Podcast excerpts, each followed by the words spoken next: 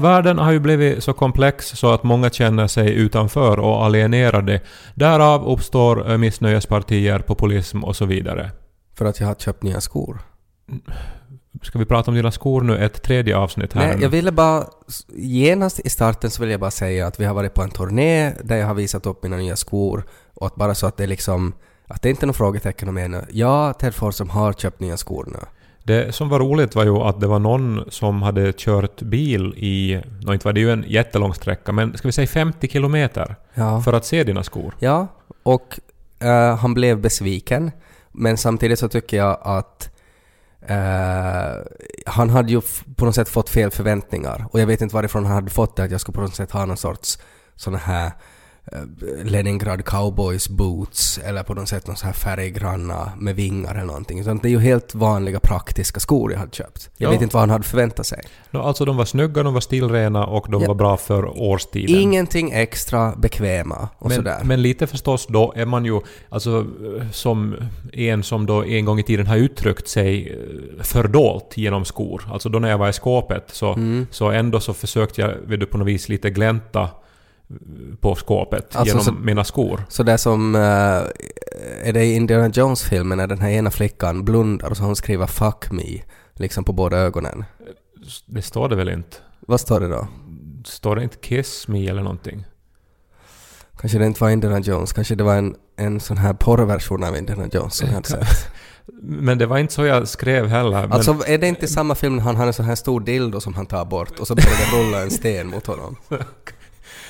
jag, jag, jag har inte sett den här filmen på jättelänge men jag, Indiana jag är Jones och ganska Jade säker på att det inte står 'fuck me' på hennes Okej. ögonlock. Nå kanske Kiss Me då, men jag tänkte på något sätt alltså att om du hade såna skor, alltså att på sulorna när du gick så stod det liksom att du är bög eller någonting. Nej, men alltså om du minns när vi var till New York för allra första gången. Mm. Och så var vi och såg på en inspelning av Conan O'Brien. Ja. Och det var ju en stor upplevelse för mig som var ett stort Mm. fan. Du var lite mer sval inför det här. Nej, jag tyckte också det var ett stort fan, men det hade ju av andra orsaker som jag var sval. Men Ja. det har vi pratat om. Men sen så på kvällen så skulle jag ju se då om vi syns i TV då. Ja, För att jag är från Essie. precis. Ja, så man vill ju se om man Jo, syns. förstås. Och, och det här så såg vi på det i hotellrummet och eh, jag som noterade att när kameran liksom panorerar över publiken Mm. så, så stannar den här glidningen exakt vid mig. För att du hade så snygga skor. För att jag var helt klädd i rött. Minns jag. Jag, jag, hade, jag hade en röd tröja, jag hade en röd lippis, jag hade röda byxor och jag hade otroligt Aj, röda jo, skor. Du Och hade du en alla- sorts röd period då? Alla som har jobbat med TV så vet ju att, att rött funkar inte på TV. Du såg ut som en skumsläckare. Alltså det blöder i skärmen brukar man säga. Ja. Färgen på något vis börjar leva på ett obehagligt sätt. Ja. Så man ska inte ha rött i TV. Nej. Och det måste de ju ha märkt då när de skulle klippa ihop programmet då, så de klippte bort mig. Okej. Ja. Men det var mina röda skor då. Otroligt röda. Men, Men- så att du skulle nog ändå när du hade chansen nu, när du köper haft- skor en gång i vart tionde år, Ja. ta någonting mer spännande. Ja, men det... Ja, mm, kanske du har rätt. Alltså jag tänker ju i den här ena sketchen som vi hade på Vasa Teater så spelade jag ju en, en, eh, en kantor som hade äh, pipiga skor. Så Ja. vi hade ju satt en sån här liten hundleksak i klacken så för varje steg så lät det pipi, pipi. Att borde jag kanske försöka inkorporera något sånt? N- Nå ja, nå, alltså... Eller är det för långt då sen igen? Jag menar nog mera så här vet du, inte att försöka vara rolig utan att försöka på något vis göra en statement liksom. Försök eh, så här, vet du, visa fingret eller, eller uttryck dig själv. Vet du, våg ta plats. Mm, Det var det jag tänkt. Rö- Röda skor är ju ett sånt statement liksom. ja. Men det kan också tolkas som att man på något sätt har någon sån här kris, ålderskris tror jag. Ja. Men innan vi började prata om dina skor så höll jag på att prata om eh, populismen här. Ja. Och jag skulle bara avsluta det då att jag menar det att jag tydligen inte nu då ska få mata fåglar heller då. Jaha? Alltså om inte ska man ge mjölk åt igelkottar heller. Nej, det ska man inte. Men jag kommer ihåg, du hade ju satt på Instagram någon sån här bild där du typ uh, matade en koltrast eller Ja, någonting. precis. En jättefin Som stund. fick så här helt... eh, alltså så många likes så att det var liksom konstigt. Ja, För det var ju bara en helt vanlig fucking koltrast. Så många arga meddelanden. Att Jaha. jag inte ska äh, mata äh, fåglar Nej, från mitt arbetsrum. För att jag är inte här varje dag. nej, exakt. Och då dör fåglarna. Mm. Och då tänkte jag så här att ja, kanske är det så, jag vet inte, är det faktiskt så, Ska man bry sig i sånt? Kan inte du på något sätt bygga en sorts liten julkalender då så att de kan, de här fåglarna liksom skära upp ett litet hål åt sig de dagarna när du inte är här och så liksom rinner det ut då, Mm. lite frön. Så funkar det. Nå, så, jag menar, jag vet inte vad du har för förhållande till den här koltrasten men de är ju smarta djur. Men håll med om att det här är ju på ett sätt ett, ett fint exempel på varför hemskt många människor upplever sig utestängda idag. För att det finns såna här regler nu för tiden. Allt sånt som man gjorde när man var barn som var så här tryggt och fint. Men det är ju inte för, det är ju på något sätt Gav alltså... mjölk till igelkottar. Ja men det betyder ju inte att det var rätt det man gjorde utan att det var ju fortfarande fel. Det var bara att man visste inte om att det var fel då. Det är ju samma sak som att man ger liksom eh, kvicksilver åt barn för att man trodde det var en bra sak men att idag vet man att det inte är det och sådär. Populism.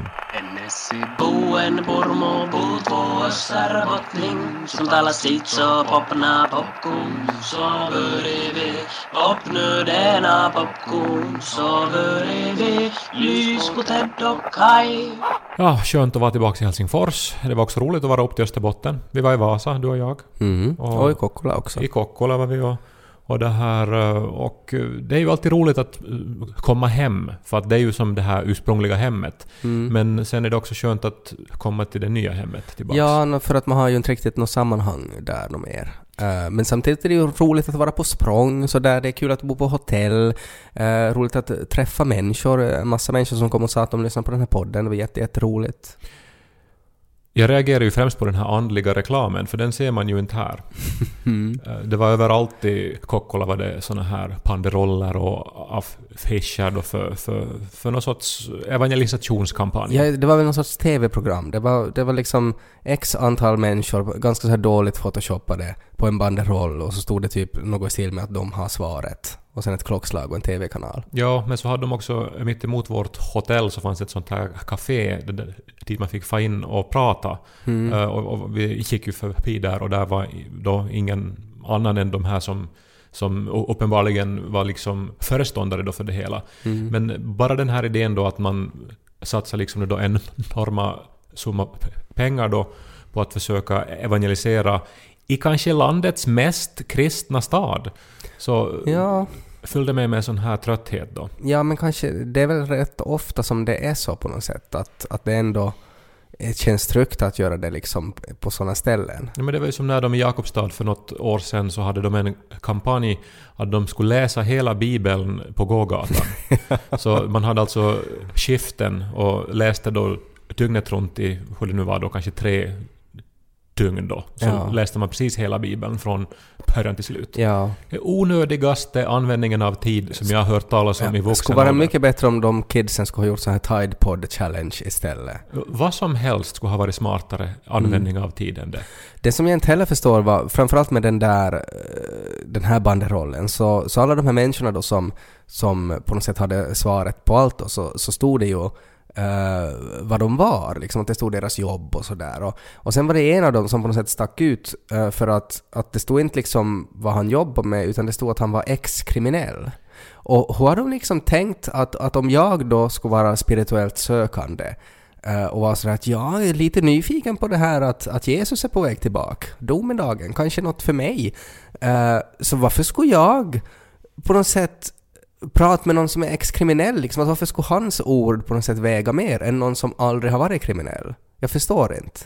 Nej, men jag tror ingen förstår. Al- Alltså det, och sen också om man måste använda det som titel så, så eh, säger det ju en del om, om ens eh, liv och, Ja, eh, om det är det liksom det finaste man har på CVn, att man har, man har varit kriminell. och ens trovärdighet. Mm. Men visst, om någon har varit kriminell och via religion kan bli ex-kriminell så är det väl ändå en bra utveckling. Och det är liksom, är det det som är tanken då? Att han har, liksom religion har lärt honom att, att han har slutat vara kriminell? När jag läste mellan raderna i alla Ja, fall. okej. Men eh, det som jag egentligen skulle komma till var att vet du det nu är 30 år sedan uh, Bibelbälte fick eh, sin, uh, nå, en spark i skrevet.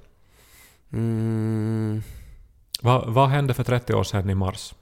eh, Vi fick våra första kvinnliga präster Jaha, i Finland. okej. Det blev tillåtet inom evangelisk-lutherska kyrkan för kvinnor att prästvigas. Vad anser vi om det? Nå, säkert beror på varifrån man kommer, men om man kommer därifrån så är det väl en styggelse, antar jag. Ja, men så här, hur s- ser du på, på saken? Uh, alltså... Jag ser kanske på den saken att jag vet inte riktigt varför en kvinna skulle vilja vara präst. Eh, med tanke på just hur de har behandlats av manliga präster. Så vet jag inte hur man som kvinna faktiskt skulle vilja på något sätt gå med i en sån förening. Ja, men då går du alltså på kollegiet. Men om du ser liksom på chefskapet då, och nu pratar jag riktigt det här allra högsta då.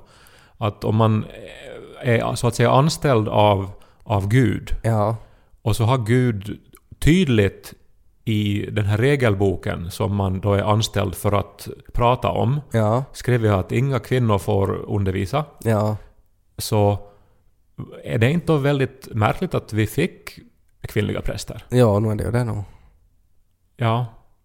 Eh, Det är ju det som hemskt många då i bloggare från det här området då och säkert andra ställen också. Nu ska jag inte bara svartmåla Österbotten här men, Mm. eh, men än, än idag då hå- håller upp då. Det här var ju ett otroligt dåligt Men har man, beslut. har man hittat som någon sorts loophole då att Gud egentligen menar eh, personer med långt hår, inte kanske kvin biologiska kvinnor eller något sånt här? Nej, man Eller har hur- hur- hur man, Men hur, hur motiverar man det här då? Alltså enda sättet att eh, motivera det är ju att strunta i vissa bibelord egentligen. Mm. Men det, Men det låter ju som en, en hal väg rakt till djävulens öppna munde. Men inte det är väl underligt att man blir så här? Ja. Eller alltså sådär. Nej, nej, det förstår jag helt. Alltså att om man, om man på något sätt sätter in sig i den här fundamentalistiska rollen. Men jag var lite ute efter att du skulle nu försvara det här då, att visst ska kvinnor få vara präster. Nej, inte om det står i Bibeln att de inte får vara. Ja, Om det är liksom manualen. för nu är det en annan intressant eh, motsvarande händelse. Jag, jag vet inte om du har hört vad som hände i Åbo studentteater? Jag vet inte, vad var det? Det var... De skulle sätta upp en pjäs om Godot. De, de skulle sätta upp pjäsen I väntan på Godot, som Ja. är en eh, klassisk pjäs av den irländska visst, dramatikern Samuel Beckett. Ja, Och eh, nu hamnar de och... föredrar Ställa- Endgame faktiskt. Precis, han har skrivit en massa sådana här väldigt absurda... Visst har han skrivit Endgame också? Det tror jag. Ja. Nu la du över ansvaret på mig här som litteraturvetare. Ja. Eh, Men eh, i alla fall, så några dagar innan premiären så tvingades man då ställa in hela pjäsen och Mm. cancella alla föreställningar. Just det. På grund av att man då hade eh, ersatt de manliga rollerna i pjäsen med kvinnor. Mm. Alltså, eller kvinnor spelade de här två rollerna som finns då i den här pjäsen. Mm. Och enligt då Samuel Becketts egna instruktioner för pjäsen så får den inte spelas av något annat än två män. Mm. Det är alltså förbjudet då för kvinnor att spela Hur, hur motiverar han det här då? Eh, han har tydligen sagt att eh, kvinnor har ingen prostata. Men han har ju helt rätt i det. Det har han helt rätt i, men att, eh, då menar han väl då att för att en väsentlig del av, av den här dialogen i pjäsen går ut på att de är är väldigt kissnödiga, de här männen. Ja. ja Okej. Bara, som en liten parentes bara tycker jag sådär att, att bo med en kvinna som har varit gravid och fött barn och sådär, så det här med att vara kissnödig som kvinna så tycker jag nog är ett ganska bekant fenomen också. Fast de då inte har prostata.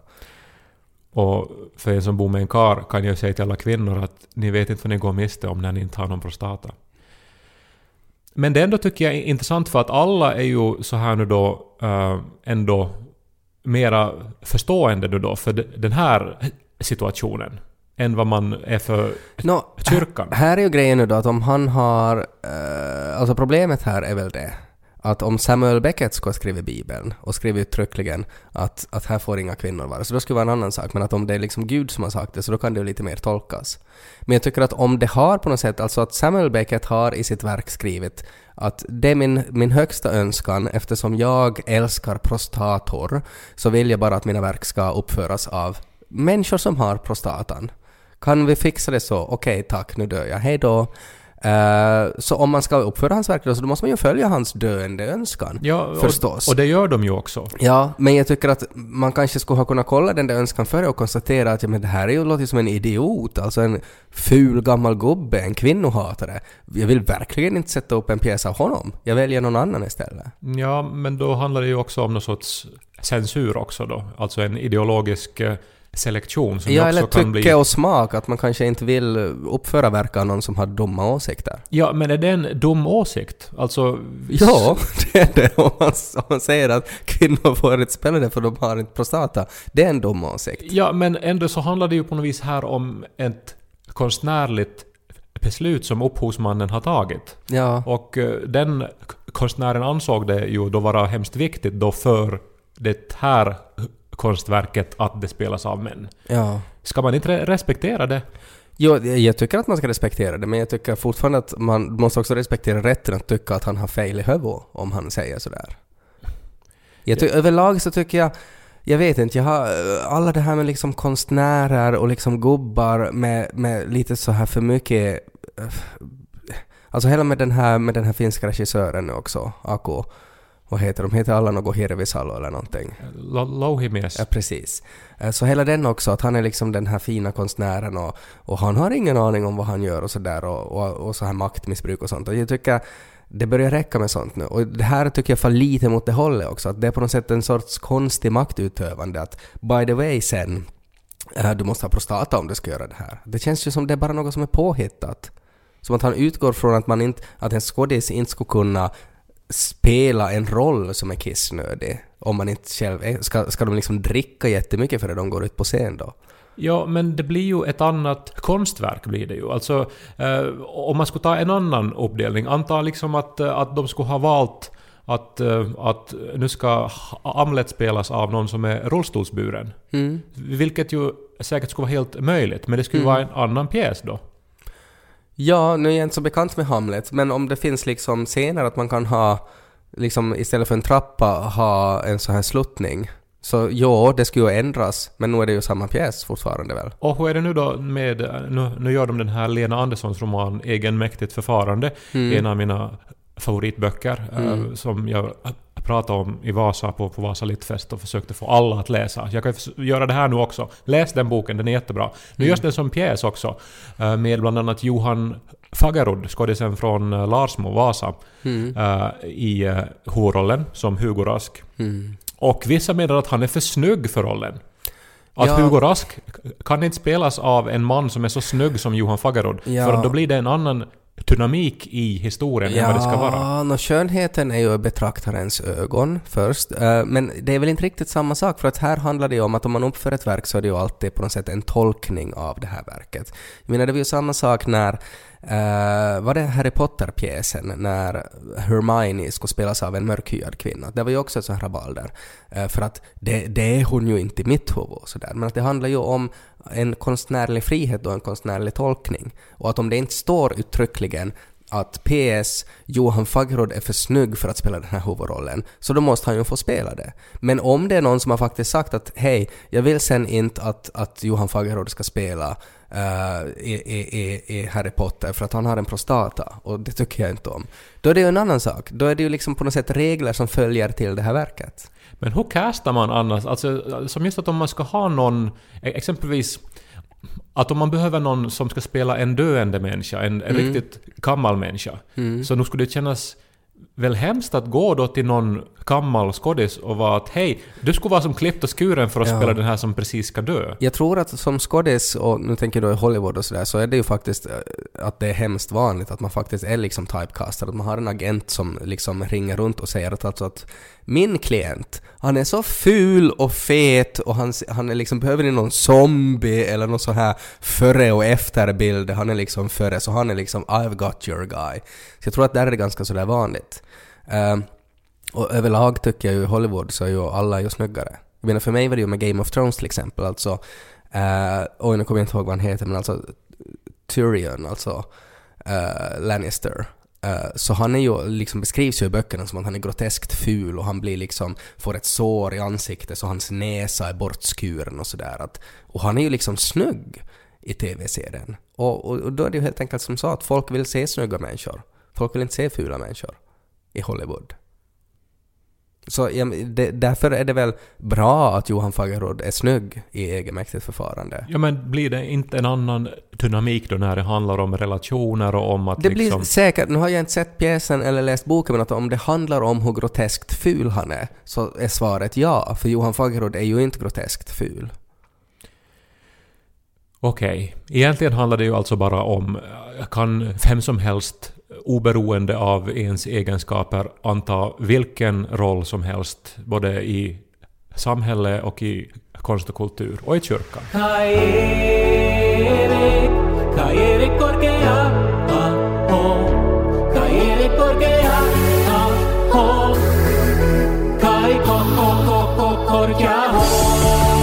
Men om de skulle göra en film om dig Mm. och, och så skulle den spelas, alltså rollen som Ted Forsström skulle spelas av en mörkhyad kvinna. Ja, det, jag skulle vara helt fine med det. Jag tror inte det skulle finnas någonting i storyn om mitt liv som skulle på något sätt kräva några så här särskilda förutsättningar. För jag har ju i princip aldrig upplevt någonting specifikt för att jag är jag, tror jag. Så här utseendemässigt. Men skägg och, och allt sånt liksom. Nu är ju... Ja, ja men då... Det, är ju- En det, stor del av ditt liv har ju ägnats åt skäggvård till Ja, exempel. men då skulle man väl måste hitta en. Kanske hon ska ha otroligt håriga ben, den här kvinnan. Jag menar, man skulle bara måste anpassa det då till den skådisen. Och se vad som händer. Men jag menar, budskapet i min film skulle vara likadan. Och liksom, det finns ju ingen kvinna som skulle ha såna skor som du har haft till exempel. Vad menar du Det med skulle det? vara totalt otrovärdigt om det skulle spelas av en kvinna. Nej, det tror jag inte. Man skulle bara måste anpassa det. Kanske man inte skulle ha liksom skor då. Kanske det skulle vara något annat. Nå- Något annat klädesplagg som skulle liksom ramla av hennes kropp. Jag, jag ser det inte som ett problem. Skulle det vara för dig hemskt viktigt då? eh, I filmen om ditt liv?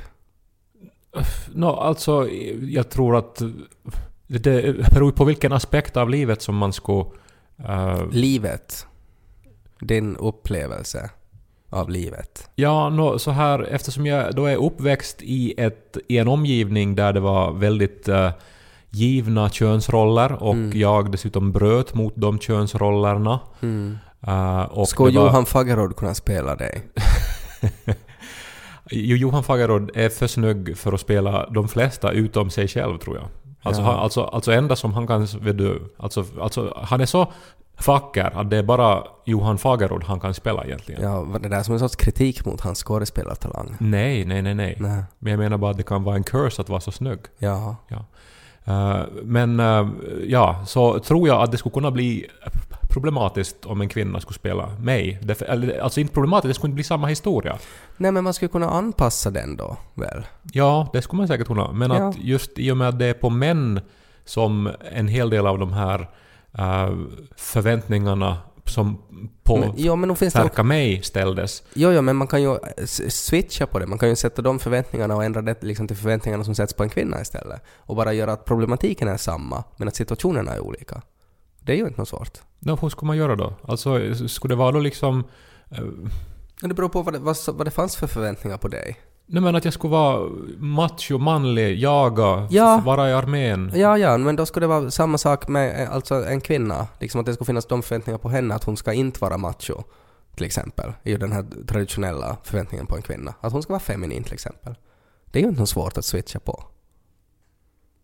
Det enda som jag skulle kunna se ett problem är väl att stamningen eh, är s- statistiskt sett mycket mindre hos kvinnor än hos män. Ja, nej men nu kanske, alltså bara som en del av mig så menar jag nog att nu, nu, nu, nu har vi ju olikheter. Jo, jo, jo men, men man ska ju ändra storyn för att anpassa de olikheterna. Och det är ju det som jag tycker är ju en självklarhet. Det är ju klart att, att om det skulle komma liksom the biopic, Kaj Korkia Aho, Uh, och så skulle det då vara Serena Williams som spelar dig. Så hon skulle ju inte kunna födas i Essie och liksom att allt skulle vara precis som det har hänt för dig, utan att det skulle liksom anpassas. Men de här key moments i ditt liv så skulle man ändå kunna ha likadana, alltså dina eh, höjdpunkter och dalar i princip. Så skulle kunna, man skulle bara anpassa dem utgående från vem som spelar dig. Men det här är ju också den här postmodernismen då som liksom gör att eh, folk blir galna också. Att man inte, att ingenting har någon betydelse egentligen. Och att Men, allt ska på något vis du kan väl inte dra det från... Ja, man men, får inte mata fåglar heller. Det hör ihop med det. Och man får inte ge mjölk till igelkottar för de kan börja propp. Nej, det är väl att de är väl otroligt laktosintoleranta och kan liksom börja må riktigt, riktigt illa. Men är det egentligen, men det är, är det liksom det vi pratar om, att du är arg för att din koltrast är försvunnen? Nej men jag, jag, jag bara eh, liksom identifierar mig ett tag med de här frustrerade, alienerade de människorna när jag fick höra då att jag tydligen inte får mata fåglar i mitt Vilka arbetsrum. alienerade människor? Som orsakar, vet du, som röstar på de här uh, missnöjespartierna. Ex-kriminella. ja. Som känner sig utanför det, det existerande samhället. ja, för att de inte får göra som de alltid har gjort. Ja, som ständigt ifrågasätts liksom. Ja, men det är för att de oftast liksom gör fel och därför är det liksom det snällaste sättet än att säga liksom att nej, sluta är ju att ifrågasätta att ska du faktiskt göra sådär. Ja, men tänk vad hemskt att leva i ett samhälle där alla är liksom lärare, pedagoger och Ja, fingerpekare. man skulle leva i en sån här konstant sfär av fittighet och rädsla. Och då är det ju klart att man beter sig idiotiskt.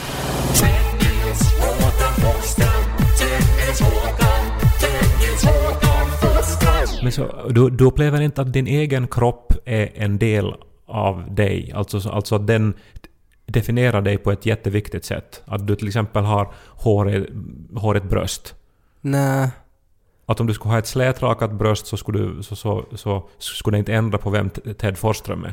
Nej, jag skulle nog inte säga att det skulle göra det. Eller om du inte skulle ha de där kontinentögonbrynen? Nej men då jag gör inte, det, det är liksom, jag har inte egentligen någon sån här gimmick i mitt liv som på något sätt är kopplat till mitt utseende. Nå, Alltså just så- skägg? Ja men det, jag gör ju ingenting med mitt skägg, den är bara där, sitter fast i mitt face. Men det är ju... du, du som hade en sån här pins på din rock som det stod skägg och så hade du en till som det stod bajs på. Ja, men jag, jag, jag har inte den rocken något mer. För den ramlar väl av mig i bitar.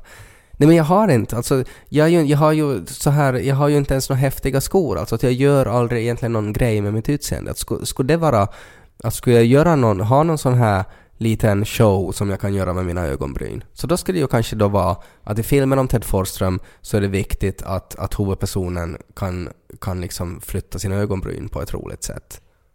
Uh, men jag har inte något sånt.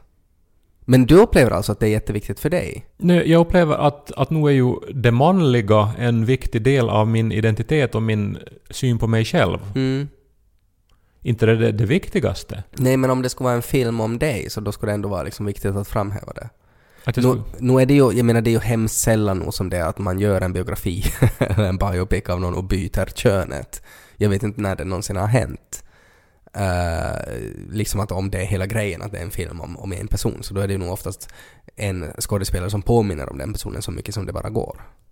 Men jag tycker det är intressant, alltså att när man tänker på det, att det faktiskt inte skulle vara så jättestor skillnad. För att, och där i de situationerna där det skulle vara en skillnad, så då skulle man bara liksom ha en, en logisk förändring av det som skulle göra att det ändå skulle passa in och storyn skulle vara likadan.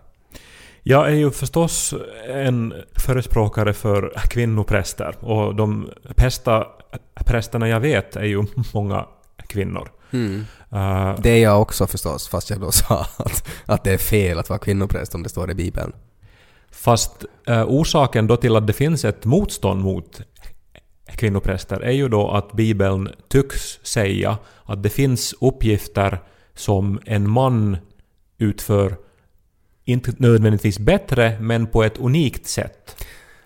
Ja, och men- det finns uppgifter som kvinnor utför på ett unikt sätt. Men, men, ja, men, men det håller ju inte där, för att det är ju att om man tänker att en uppgift då som en man ska utföra på ett unikt sätt, så för att, för att jag skulle liksom kunna acceptera det så skulle det måste vara någonting att, att i vissa liksom så här högmässor eller någonting så måste liksom prästen vända blad i bibeln med kuken, eller någonting som faktiskt inte en kvinna kan göra. Och då skulle det på något sätt vara att ja, men det här är ju en unik uppgift som att om det är en kvinnopräst så då går det inte och då måste de ta in liksom en manlig kyrkvaktmästare eller någonting att, att hoppa in och liksom då dra ner byxorna och vända blad och sen går man vidare. Då skulle det vara ändå okej men att det finns ju alltså de där uppgifterna är väl liksom grejer som vem som helst ändå kan göra. Mm, men nu utgick du från att enda skillnaden mellan män och kvinnor är könsorgan. Nej, jag tänkte ju förstås på den här biologiska skillnaden. För att jag tänker att det är kanske det enda som man i den här situationen då skulle kunna liksom hitta något i. Att äh, så här en fysisk omöjlighet. För att något annat kan det ju inte vara. Ja, det finns ju psykologiska skillnader mellan män och kvinnor också, alltså rent undersökta sådana. Ja, hormonella förändringar. Ja, det finns också, men också, som så här vet du, rent benägenheten att ta risker exempelvis Mm. är större bland män. Ja, men det är ju inte saker som ska på något sätt vara annorlunda om man läser högt ur en bok. Nej, men inte just den egenskapen, men inte skulle det heller förvåna mig om det då finns egenskaper som Gud ansåg vara så viktiga. Men det är ju så dumt det, för att om man tänker sådär att, att vad, vad Gud då tyckte om, eh, och, och han var ju en herde, är det inte så? Att Herren är min herde. Nej, Gud, ja, eller han liknas vid en herde. Ja, och om man tänker sådär att vad herdar då har för egenskaper. De ska se till att flocken liksom är i skick, eh, att om ett lamm är sjukt så måste det få så här lammmedicin och sådär och alla, ingen ska frysa och sådär. Det här är ju liksom egenskaper som förknippas, tycker jag, ganska långt med kvinnor. Alltså sådana här en feminitet och en värme och en sån här omhändertagande empati. Ja, men han Så ska också sku- slita vargen i stycken. Nej, när det gör ju hunden. vargen kommer Ja, och... det är hunden. Ja, men han ska, vet du, om, om det då kommer en rivaliserande flock. Ja, en rivaliserande flock med får. Ja, nej, så men en herden annan dit och, herde. sli, och sliter dem i stycken. Nej, men en annan herde som Ja, men- försöker ta en del av fåren, så, så då har Men ju så funkar det väl inte med herdar? den här manliga herden mera muskelstyrka. Ja, men, men så funkar det... Nej, det tror jag inte. Ja. Det köper jag inte. Ja, Så du köper inga skillnader utom den här kuken Nej, som bara- ändrar blad i Bibeln? Nej, men jag bara tänker det att jag tycker det är liksom att om man tänker sådär att vilka egenskaper Gud skulle tycka skulle vara bra för, hos en präst så tycker jag att kvinnor i allmänhet har mer av de egenskaperna. Skulle man anta. Så du menar att, eh, att egentligen så, så borde vi Nej, men- och- ifrå- ifrågasätta manliga präster? Ja, på ett sätt. Alltså jag tänker sådär att, att om, om vi liksom går till det här att herdar sliter andra herdar i stycken, och jag menar det skulle vara en annan sak om Gud har sagt, sen är det superviktigt att präster, att de ska vara som Hulk Hogan ungefär, alltså de ska, vara, de ska kunna slita av sig sina kläder, de ska liksom ta 200 kilo i bänkpress, Eh, och de ska vara otroligt bra med spjut och sådär. Då skulle jag förstå att där finns då en biologisk fördel eftersom män har eh, så här mer benägna till att få större muskler och sådär och vara starkare fysiskt.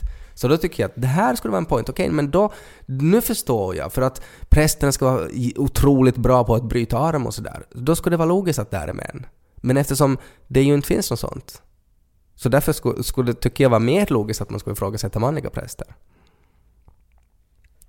Jag såg operan mitt emot och kom på det ultimata exemplet. Mhm. Men mansrösten och kvinnorösten är ju i helt olika register. Ja. Ska de nu då börja ha kvinnor och ta över de här basrollerna i operorna? Men det går väl inte? Exakt. Vad, vad menar du? Det går inte. Nej. För män och kvinnor kan inte göra allt, alla saker lika. Alla samma saker. Nej. Mm? Okej. Yes. Titt ut. Ja. Men har vi, varit, har vi varit liksom i strid om det här? Nej, Jag tycker att, att, att, att, jag, att, jag, att jag, jag mötte noll förståelse hos dig för, Nej, jag- all, allting jag sa. Jag, nej, jag, jag tycker inte jag var emot dig. Jag bara, Och du ville liksom att ditt brösthår spelar ingen roll. Och, nej men det gör det väl och inte? dina ögonbryn är inte en del av dig. Bara i filmen om mitt liv. Tycker jag. Men... eh, men jag tycker där har du en point. En, en kvinna kan ju inte sjunga en baritonsroll. Och en man... Fast det finns ju sådana här kastratsångare, de kan ju sjunga i falsett. Satan. Så där for det. Tittitut! Teddokai, teddokai, teddokai! Teddokai.